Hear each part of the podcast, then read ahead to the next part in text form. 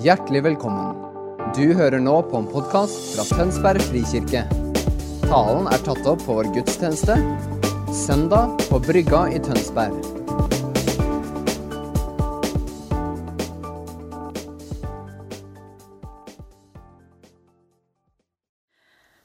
Påsken var jo en feiring som de hadde feira i generasjoner. Det var jo feiringen at eh, Jesus, eller Gud, frydde det ut av egypternes eh, fangenskap og slaveri. Det var en feiring hvor Moses leda de ut til å kunne tilbe Jave, til å tilbe Gud sånn at de kunne være hans folk. Og disse 400 årene i Egypt og under faraos undertrykkelse, det hadde tært på deres bevissthet som Guds folk. Og det hadde tært på deres håp om at det en dag skulle være en utfrielse. Så kan det hende, og jeg er ganske sikker på det, at denne påske, denne palmesøndagen, denne påske som sto for døren, den virkelig minna de om det her, og ikke minst at det vekte et håp om at kanskje en dag skulle komme denne kongen som profetene hadde profetert om, som skulle fri de ut, og det igjen skulle være et fritt folk i sitt eget land, um, og være det folket som Gud har utfridd og utvalgt til å være en velsignelse til hele verden. For det var det de var ment til å være. Ehm, men akkurat nå så var det under romersk herredømme. Romerne hadde inntatt Jerusalem i år 63. Og det hadde jo nå vært eh, på den tiden her som vi leser om i Johannes 12 så hadde de vært eh, under romersk styre i nesten 90 år. Eller drøye 90 år, faktisk. Så det er klart at de lengta etter en utfrielse. Og så kjenner vi jo historien om Jesu inntog, palmesøndag. Og som vi så på en fin måte har fått illustrert her, hva påsken handler om og hvordan det hele skjedde. Alt fra palmesøndag og gjennom skjærtorsdag, langfredag og opp til første påskedag. Men vi skal konsentrere oss om denne dagen, om palmesøndag. Når vi nå veit det politiske og religiøse bildet som var bakteppet for denne palmesøndagen, for denne hendelsen hvor Jesus rir inn i Jerusalem, og det er jubelrop, det er fest og det er glede, og, og hvor håpet står i sentrum. At kanskje her er kongen. Her er utfrieren. Her er frelseren. Kanskje her også til og med er Messias. Og det var jo en dag som, som de fleste ville huske for generasjoner. Så det er mange ting vi kunne ha kalt denne dagen. Vi kunne kalt den eh, som den var. En eh, festreise, et triumf, triumftog. Um, men kanskje kan vi legge til en ting til. Kanskje kan vi kalle det en pilegrimsreise. Så har jeg, har jeg, um, har jeg bladd litt på Google. Wikipedia, som er jo leksikonet av, av 2022. Skal jeg bare flytte den her?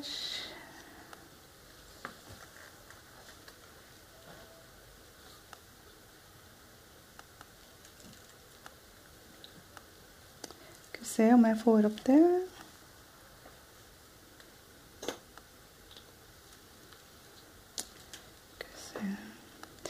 Det var jo ikke teknikken som var behjelpelig i dag.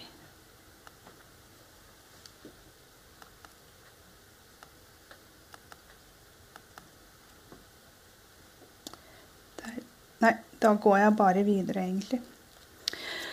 For en pilegrim og en pilegrimsreise. Når jeg slo opp det, så var det så står det så fint En pilegrimsreise er når en person av religiøse grunner reiser til et sted som i vedkommendes religion blir ansett som hellig. Motivasjonen kan være takknemlighet kombinert med et løfte om å tilbe en gud eller en helgen der, eller et ønske om å få del i dets spesielle velsignelse. Det sier da Wikipedia. Um, om det å være på pilegrimsreise. Og så er det jo det Hvorfor har jeg dratt inn det på, på, på palmesøndag? Hvorfor har jeg dratt inn det på inntoget til Jerusalem? Og på mange måter, når vi leser denne definisjonen her, så var det jo akkurat det Jesus var. En pilegrimsfarer på pilegrimsreise. Når jeg slo opp videre på hva en pilegrim er, så står det at eh, det kommer fra det latinske ordet 'peregrinus', som betyr fremmed eller utenlandsk. Og hvis det er tilfellet Hvis det er tilfellet, så åpner det opp enda mer av hva denne pilegrimsreisen eller inntoget i Jerusalem var. For vi leser om Jesus, som var av Davids ett. Det leser vi med Matteus i ettertavlen der i kapittel 1. Og så visste jo folka den gangen som var rundt Jesus, de visste jo hvem han var. Han var jo tømmermannens Josefs sønn. Folk kjente mammaen, folk kjente pappaen, folk kjente eh, familiens søskna. Eh, de visste hvor han bodde, de visste hva han pleide å gjøre. De visste i grunn, Folka rundt ham visste i grunn ganske mye om Jesus. Eh, så han var jo, på, var jo, ikke ukjent. Han var jo ikke en fremmed. Og han hadde jo ikke vært mye utenlands heller, for den saks skyld. Eh, han hadde vært en svifter til Egypt da han var ganske liten, men det var jo bare en liten stund. Erlend, vet du. Erlend fikser. Takk. Så som fremmed fremsto han jo ikke for de som var rundt ham. Men likevel, hvis de som var rundt han hadde fulgt ekstra med, så ville man sett at eh, det var også noen uvante ting, noen ukjente ting, noen merkelige ting rundt denne mannen. Han gjorde ting som ikke skjønte, de ikke skjønte seg helt på, som virka veldig merkelig. Og de hørte rykter om både det ene og det andre. Og det var liksom rykter om mirakler, om, eh, om folk som ble helbreda, og døde sto opp, og til og med så går han på vannet. Det virka i hvert fall litt fremmed. Det virker i hvert fall litt um, en Jesus vi ikke kjenner. Vi har også hørt, De hørte om hvordan han metta 5000 med to fisker og fem brød. De, de hørte om hvordan han uh, var med og ga liv. Hvordan man, uh, han møtte folk som var utstøtt i samfunnet. Uh, hvordan han ikke brydde seg om status, eller hvordan han ikke brydde seg om hva som var forventningen til ham på den tiden. Og I lys av det så kan vi si at det hele Jesu liv var egentlig en pilegrimsreise. Og inntoget til Jerusalem viste seg i ettertid å bare være den siste etappen. Noen dager før så hadde han til og med blitt salva til sin gravferd hjemme hos Maria og Martha. Og nå var det helt klart for Jesus at hans time nærma seg. Det skulle være bare noen dager til påsken. Og denne siste etappen var på mange måter veldig kontrastfylt. Det var hosianna-rop og jubel, som jeg snakka om, men det var også ydmykelse, svik, lidelse og til slutt døden på korset. Rent menneskelig så så ikke denne situasjonen her særlig hva skal jeg si, eh, noe å juble over, noe å feire, noe å være, være stolt av. Det var ikke mye glory eller seier over seg, kan man si. Det minna mer ut som en fiasko. Både politisk og religiøst. Ehm, men vi som kjenner påskehistorien fullt ut, vi vet at eh, ting ikke tok slutt ved korsfestelsen. Vi vet at det var da fortsettelsen begynte. Pilegrimsreisen fortsetter gjennom korset og ut på den andre siden til gjenopprettelse og til evig liv. Skal vi se om det funker nå. Der ligger vi litt etter. Der, vet du. Døden på korset kan vi si, det var ikke endestasjonen. Ehm, men det var kanskje endestasjonen her på jorda, i det jordiske livet for Jesus. Johannes setter på papiret for oss i Johannes 17, vers 1, og der står det Da Jesus hadde sagt dette, løftet han blikket mot himmelen og sa, Far, timen er kommet. Herliggjør din sønn, så sønnen kan herliggjøre deg. For du har gitt ham makt over alle mennesker, for at han skal gi evig liv til alle som du har gitt ham. Og dette er det evige liv, at de kjenner deg, den eneste sanne Gud, og ham som du har sendt, Jesus Kristus. Jeg herliggjorde deg på jorden da jeg fullførte den gjerning du ga meg å gjøre. Far, gi meg nå din herlighet, den herligheten som jeg hadde hos deg før verden ble til. Og det er jo nettopp det det handler om. Å herliggjøre Faderen og bringe frelse til de mange. Jesus gjorde det, og hans kall til oss er akkurat det samme. Vår tid her på jorda, den veit ikke hvor lenge blir. For noen blir den veldig kort, og for noen blir den veldig lang, og veldig mange blir det et sted midt imellom. Men vårt oppdrag er det samme som Jesus. Å herliggjøre Faderen, herliggjøre Han, og bringe de gode nyhetene til de som ennå ikke kjenner ham. Og dette var altomfattende, altoppslukende for Jesus. Og pilegrimsreisen hadde ikke bare dette som mål, men var selve pilegrimsreisen. Akkurat som for deg og meg. Og pilegrimsreisen var også det å demonstrere Guds rike. Det var å forkynne Guds rike, herligere fanen, og så stadfesta.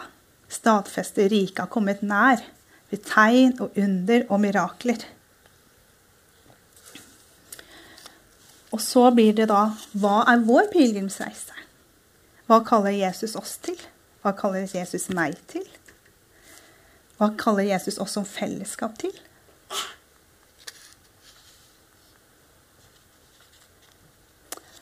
Jeg pleier å si det sånn Vi er kalt i denne verden. Vi lever i denne verden.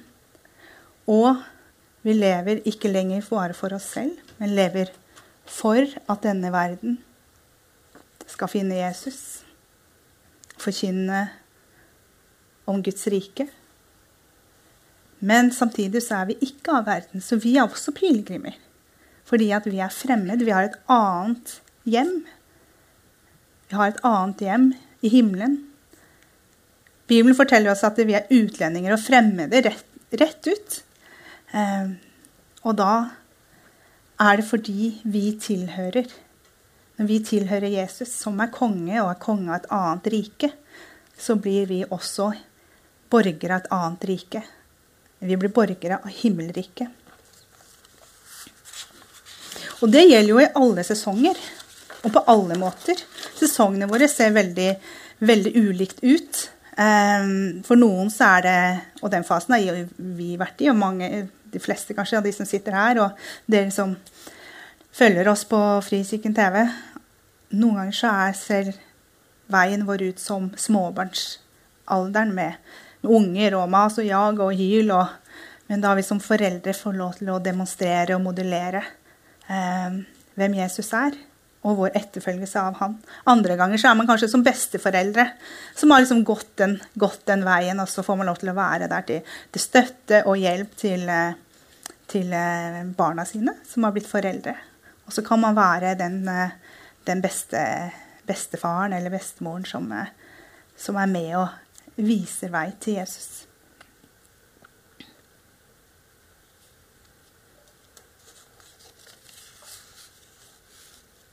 Og så er det sånn at disse dagene her, de, de er mange ganger en festreise. Vi får også erfare hvordan Gud griper inn i livene våre eller andre, og hvordan himmelriket virkelig har kommet nær. Vi erfarer eh, Guds nærvær. Vi erfarer gjenopprettelse og gjenoppreisning i eget liv eller andre sitt liv. Eh, det er helbredelse av sykdom. Eh, det er utfrielse fra rus, eller hva det måtte være. Altså, himmelriket kommer nær. Himmelriket inntar jorden. Og Det er også en del av vår festreise, vår pilegrimsreise. Men så er det også de dagene som ikke er så mye å juble over. Som er de vanskelige dagene, hvor det er full av lidelse, hvor det ikke blir Man ber for helbredelse, og så blir det ikke med, med det, og så, og så, ender det i død isteden. Det er kanskje de dagene hvor, hvor livet virkelig eh, røyne på. De dagene hvor, eh, hvor man opplever at Gud ikke er så nær at nærværet ikke er så erfarbart. Eh, det er også en del av pilegrimsreisen. Så pilegrimsreisen er begge deler.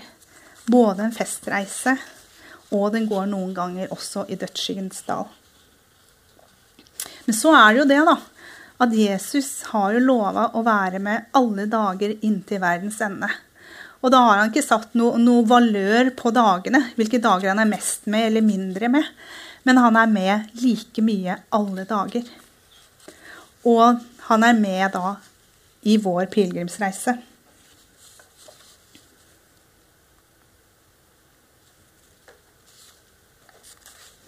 Og så er det sånn at eh, Jesu pilegrimsvei gikk gjennom korset.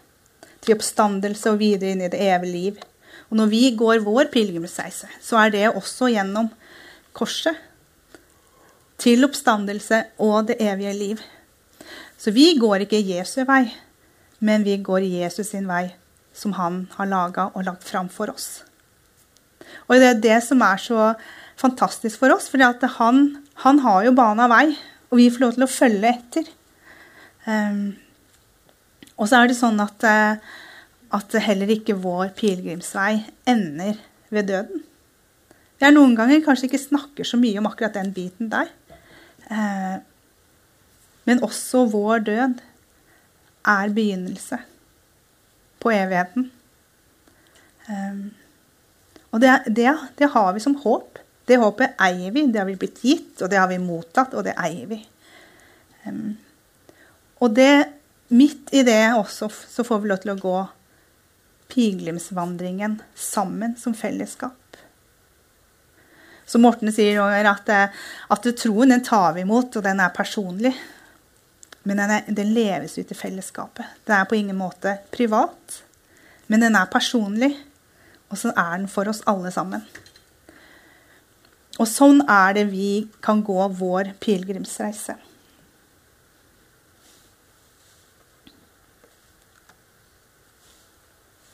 Jeg har lyst til å begynne å nærme meg en slutt her.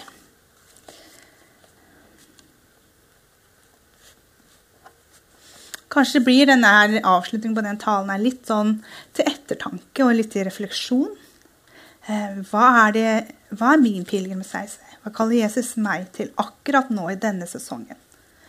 I disse dagene, om de er gode, eller om de er strevsomme og utfordrende. Hva er det han kaller meg til? Hvordan ser etterfølgelsen ut? Hvordan ser det ut å ta opp mitt kors hver eneste dag? Hvordan legge ned livet mitt for Jesus? For de folka som er rundt meg og for den verden jeg lever i. Kanskje nå kan det se ut som å ta en ekstra Strekke ut en hånd til eh, de flyktningene som kommer til Norge i disse dager, fra Ukraina. Kanskje betyr det å være den veldig tilstedeværende naboen for noen som har en nabo som, eh, som har det strevsomt. Kanskje ser det ut som å virkelig være der for barnebarna sine. Kanskje ser det ut som det er å, å få lov til å hvile i at eh, som småbarnsforeldre så er det fasen akkurat nå. Og så kan pilegrimsreisen være like tydelig i alle disse fasene og alle disse sesongene.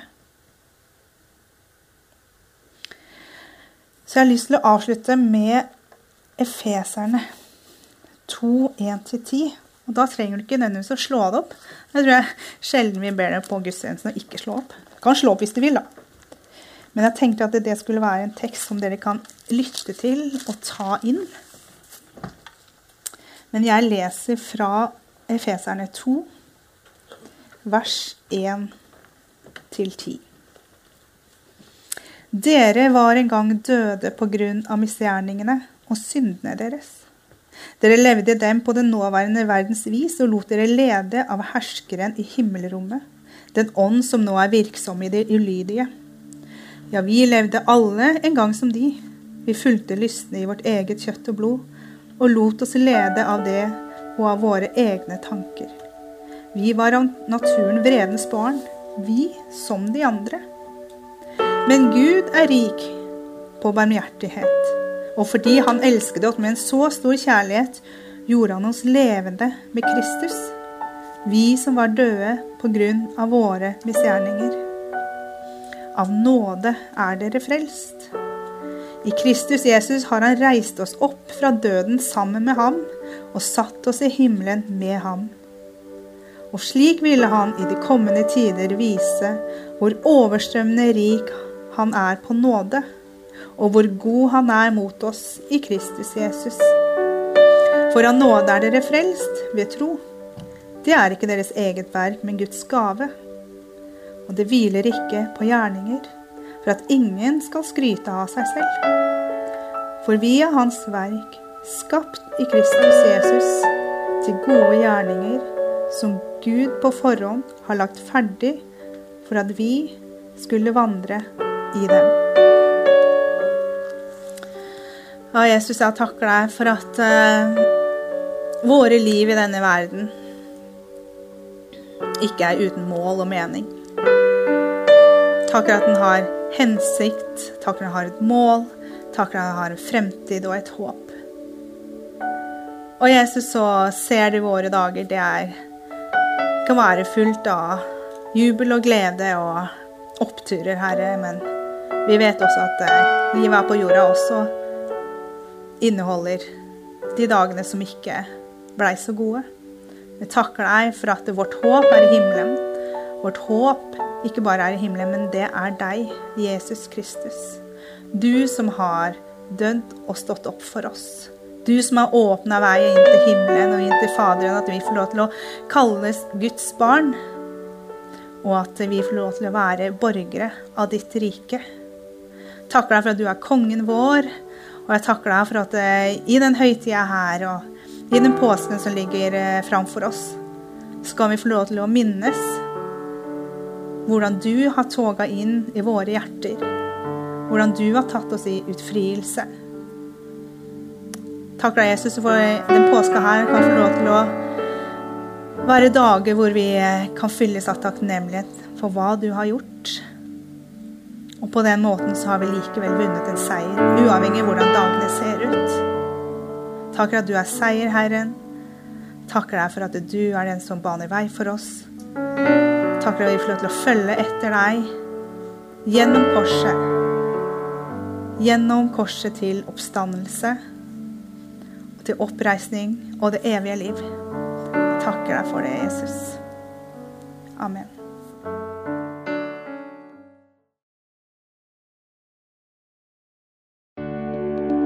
Takk for at du hørte på vår podkast. Har du spørsmål eller ønsker du å vite mer? Søk oss på vår nettside tonsbergfrikirke.no. Du er også velkommen til kirke på Brygga i Tønsberg.